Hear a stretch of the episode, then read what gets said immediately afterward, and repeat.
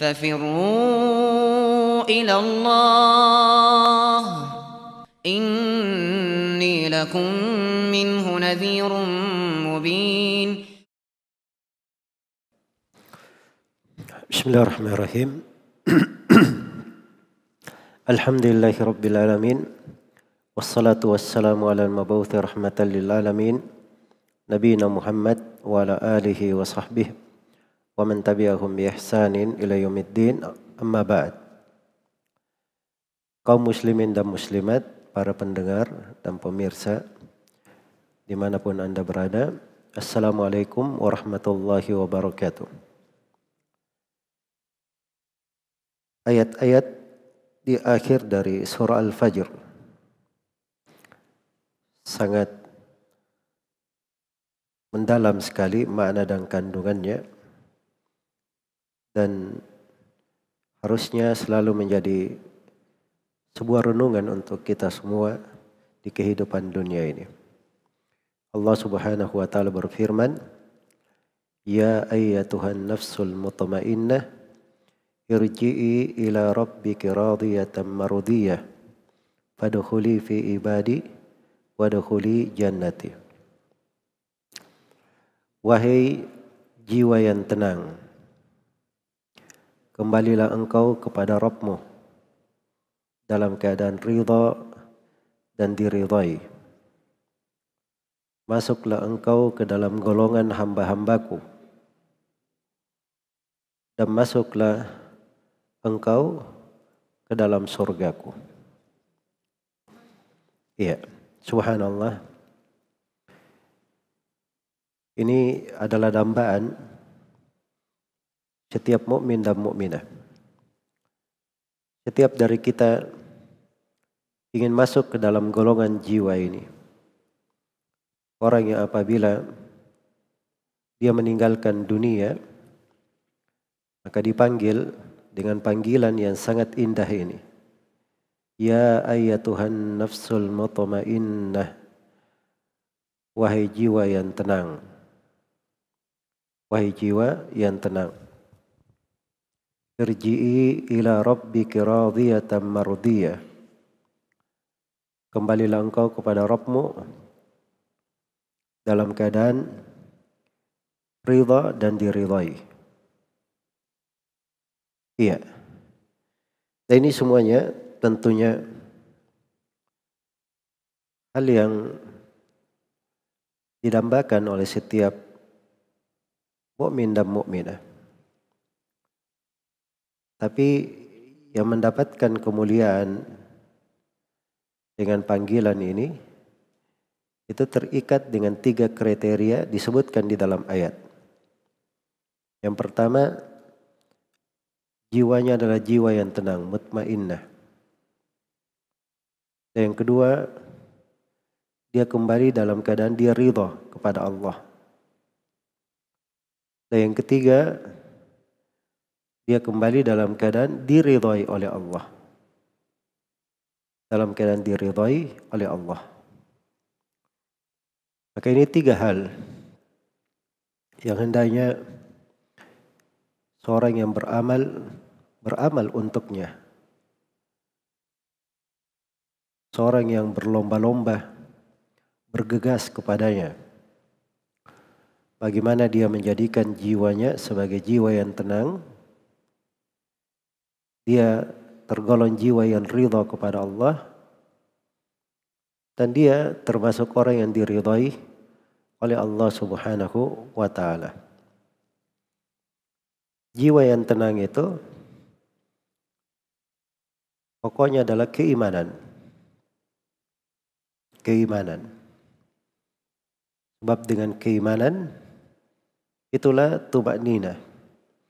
Alladzina amanu wa tatma'innu qulubuhum bi dzikrillah ala bi dzikrillah tatma'innul qulub orang yang beriman dan dia tenang dengan zikir kepada Allah tumaknina mutmainnah dengan zikir kepada Allah. Ketahuilah bahwa dengan zikir kepada Allah itu hati akan menjadi tumaknina Maka pokoknya adalah keimanan kepada Allah Subhanahu wa taala. Karena itu banyak dari ahli tafsir menafsirkan mutmainnah adalah jiwa yang beriman. Itu bekal pokok dan keimanan itu adalah di dalam memurnikan ibadah kepada Allah dan meninggalkan kesyirikan. Alladzina amanu wa lam yalbisu imanahum bidzulmin ulaika lahumul amnu wa hum muhtadun. Orang yang beriman dan tidak menodai keimanannya dengan kezaliman yaitu kesyirikan mereka inilah orang-orang yang akan mendapatkan keamanan dan mereka ini orang-orang yang selalu berada di atas jalan hidayah. Kemudian di antara ahli tafsir ada yang mengatakan jiwa mutmainnah itu adalah jiwa yang menerima ketentuan dan takdir Allah. Jiwa yang menerima ketentuan dan takdir Allah Subhanahu wa taala. Iya. Dan itu juga masuk di dalamnya. Karena itu bagian dari jiri ketenangan. Apabila dia beriman dengan benar, dia berislam, banyak berzikir kepada Allah Subhanahu wa taala, ridha akan segala ketentuan Allah Subhanahu wa taala, maka itu bagian dari jiwa yang mutmainnah yang beriman. Di dalam Sahih Muslim dari hadits Suhaib bin Sinan Ar-Rumi, Rasulullah sallallahu alaihi wasallam bersabda, "Ajaban li amril mu'min, inna amrahu kullahu lahu khair." Wa laysa dhalika li ahadin illa lil mu'min. Sangat menakjubkan perkara seorang mukmin itu. Seluruh perkaranya adalah kebaikan. Dan itu tidak akan terjadi kecuali untuk seorang mukmin saya. In asabat khusarra syakar maka ada khairan lah. Kalau dia mendapatkan kesenangan, dia bersyukur. Maka baik pula yang dia dapatkan. Wa in asabat khudarra sabar maka ada khairan lah. Kalau dia ditimpa oleh bahaya, dia bersabar. Maka kebaikan pula yang dia dapatkan. Nah, ini sifat seorang mukmin kehidupannya yang menakjubkan. Karena itu menakjubkan kehidupannya di dunia, menakjubkan kehidupannya ketika sakaratul maut, menakjubkan kehidupannya ketika dia di alam kubur, dan menakjubkan kehidupan seorang mukmin itu ketika dia berada di hari kiamat, berdiri di depan Allah Subhanahu wa taala di tengah pada mahsyar dihadiri oleh seluruh makhluk dalam sebuah hisab yang pasti dijalani oleh setiap manusia. Iya. Maka ini jiwa yang mutmainnah. Adapun jiwa yang radiyah, dia ridha kepada Allah Subhanahu wa taala. Maka pokok dari ridha itu adalah seorang raditu billahi rabban wa bil islami dinan wa Muhammadin sallallahu alaihi wasallam rasulah. Saya ridha Allah sebagai Rabbku, Nabi Muhammad sebagai nabiku, dan Islam sebagai agamaku. Itu pokok dari ridha seorang hamba. Demikian pula dari bentuk dia ridha kepada Allah Subhanahu wa taala adalah dia ridha dengan amalan-amalan salih. Senang untuk mencari amalan-amalan salih tersebut. Ya. Ini sifat jiwa yang ridha. Dia senang untuk mencari amalan-amalan yang diridhai oleh Allah Subhanahu wa taala. Iya. Karena itu di doa Nabi Sulaiman di doa kaum mukminin wan amala salihan tardah. Ya Allah beri kepadaku anugerah supaya supaya saya bisa beramal dengan amalan salih yang engkau meridainya. Amalan salih yang engkau meridainya. Sebagaimana jiwa yang ridha itu kepada Allah Subhanahu wa taala itu adalah jiwa yang dia mengikuti jalan para sahabat Rasulullah sallallahu alaihi wasallam. Karena Allah sifatkan para sahabat itu dengan sifat yang agung. Muhammadur Rasulullah walladzina ma'ahu asyidda'u 'alal kuffari ruhama'u bainahum. Tarahum ruk'an sujjadan yabtaguna fadlan minallahi wa ridwana. Nabi Muhammad adalah Rasulullah dan orang-orang yang bersamanya yaitu para sahabat mereka orang-orang yang tegas terhadap orang-orang kafir sangat merahmati terhadap antara sesama mereka engkau melihat mereka ruku sujud mereka mencari keutamaan dari Allah dan mencari ridhonya dan mencari ridhonya ini sifat seluruh sahabat. Namun Allah khususkan kaum muhajirin di dalam firman-Nya lil fuqara'il muhajirin alladziina ukhriju min diyarihim wa amwalihim yabtaguna fadlan min Allahi wa ridwana. Untuk kaum fuqara muhajirin yang diusir dari negeri mereka, dipisahkan dari harta dan negeri mereka. Mereka melakukan hijrah guna mencari keutamaan dari Allah dan mencari ridhonya. Mencari ridhonya. Maka orang yang dikatakan memiliki jiwa yang ridho itu dia ridho kepada Allah, ridho kepada Rasulnya, ridho Islam sebagai agamanya, ridho dengan jalannya para sahabat. Karena Allah telah menegaskan radhiyallahu anhum wa anhum. Allah meridai mereka dan mereka juga ridha kepada Allah Subhanahu wa taala. Demikian pula di antara sifat ciri orang yang ridha kepada Allah dia selalu bersyukur terhadap nikmat. In tashkuru yardahu lakum. Kalau kalian bersyukur maka Allah akan ridha kepada kalian. Allah ridha untuk kalian hal tersebut. Iya. Sifat yang kedua radiyah dan sifat yang ketiga mardiyah dia diridai. Artinya pada dirinya itu terdapat amalan-amalan yang dengannya dia diridhai oleh Allah Subhanahu wa taala. Dan ini pembahasan penting perlu diuraikan lebih luas. Temanya adalah jalan untuk menggapai ridho Allah. Bagaimana seorang itu bisa diridhai oleh Allah Subhanahu wa taala. Dan pokok-pokok yang saya sebutkan pada sifat jiwa mutmainnah, pada sifat uh, jiwa yang ridha itu semuanya adalah sebab-sebab yang dengannya seorang itu diridhai oleh Allah Subhanahu wa taala.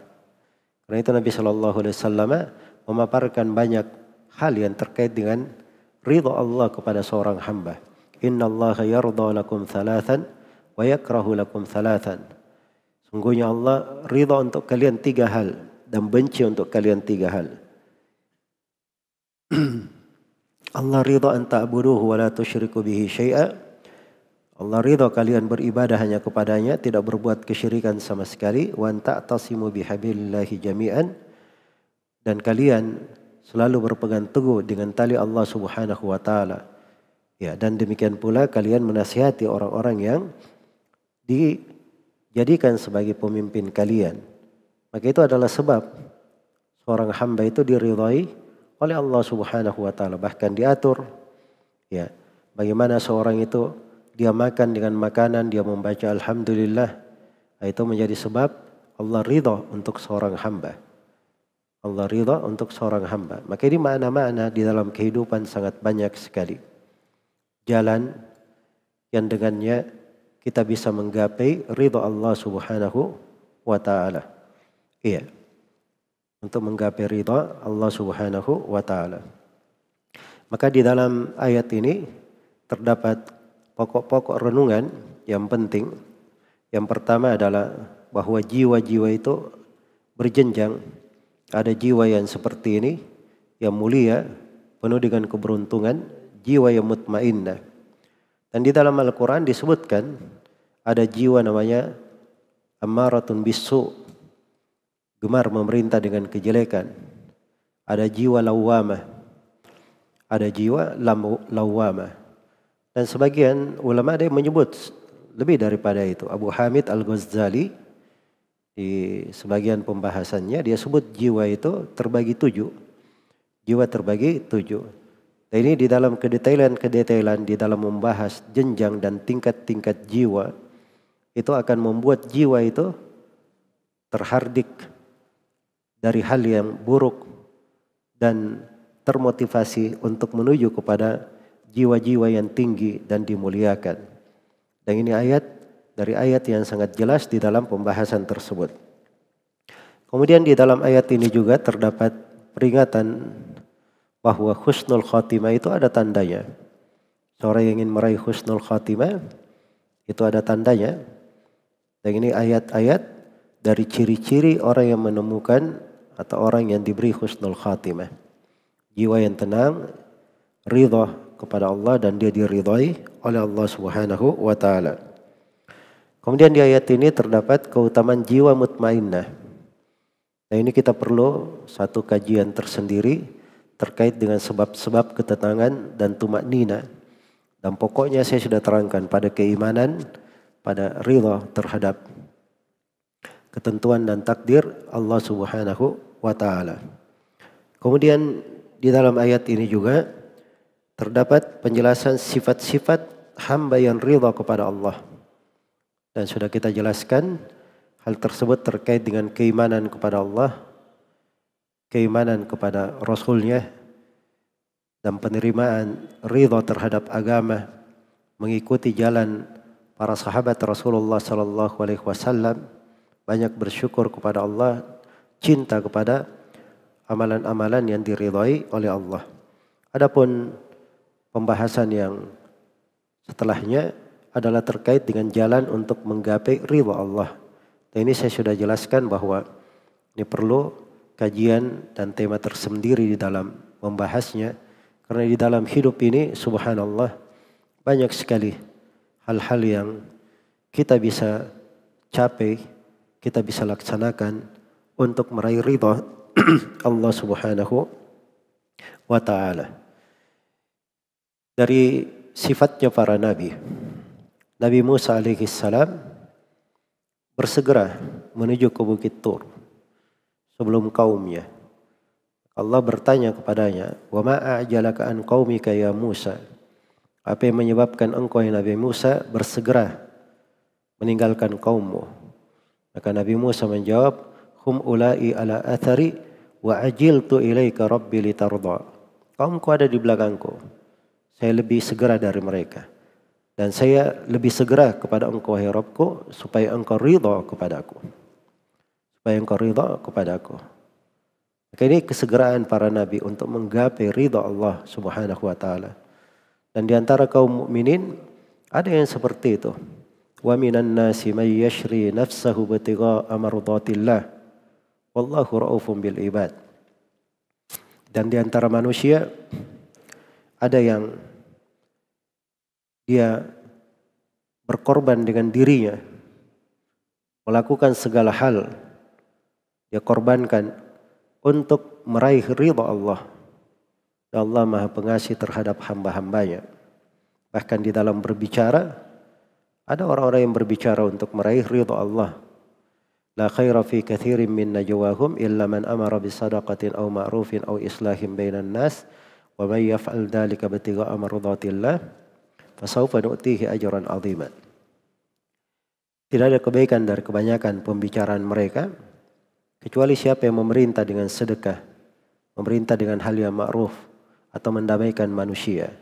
Siapa yang melakukannya karena mencari ridha Allah, maka kami akan memberikan untuknya pahala yang sangat besar. Maka ini hal yang penting apalagi kita berada di akhir dari Ramadan ini akhir dari Ramadan itu adalah saat-saat yang paling indahnya dan waktu-waktu yang paling mulianya. Karena bulan Ramadan ini telah dijadikan oleh Allah akhirnya lebih banyak keutamaan dan kebaikannya daripada awalnya. Dan akhir Ramadan yang seperti ini harusnya kita banyak merenungkan bagaimana kalau kita mencapai akhir dari umur kita akhir dari kehidupan kita. Setelah itu seorang menuju kepada Allah Subhanahu wa taala.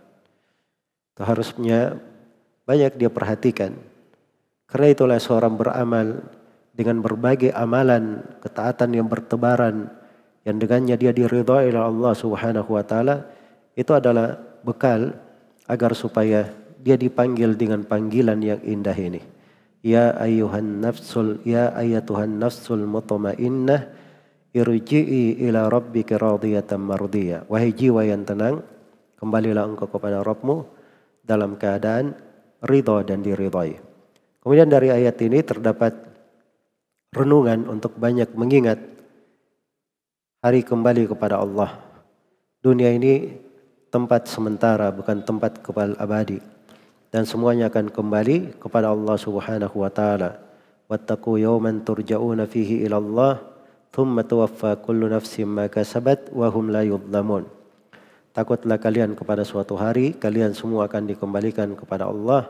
Kemudian setiap jiwa akan dibalas sempurna terhadap apa yang dia lakukan. Dan yang terakhir, di dalam pembahasan ayat ini terdapat keagungan ubudiyah, penghambaan kepada Allah. Itu predikat sifat harusnya dimiliki. Kita adalah seorang hamba, hamba Allah Subhanahu wa taala. Karena Allah menyebut nabinya Nabi Muhammad sebagai hamba di berbagai konteks yang besar. Di peristiwa Isra Mi'raj, di peristiwa turunnya Al-Qur'an, di posisi berdakwah, semuanya disebut dengan predikat hamba. Subhanalladzi asra bi abdihi.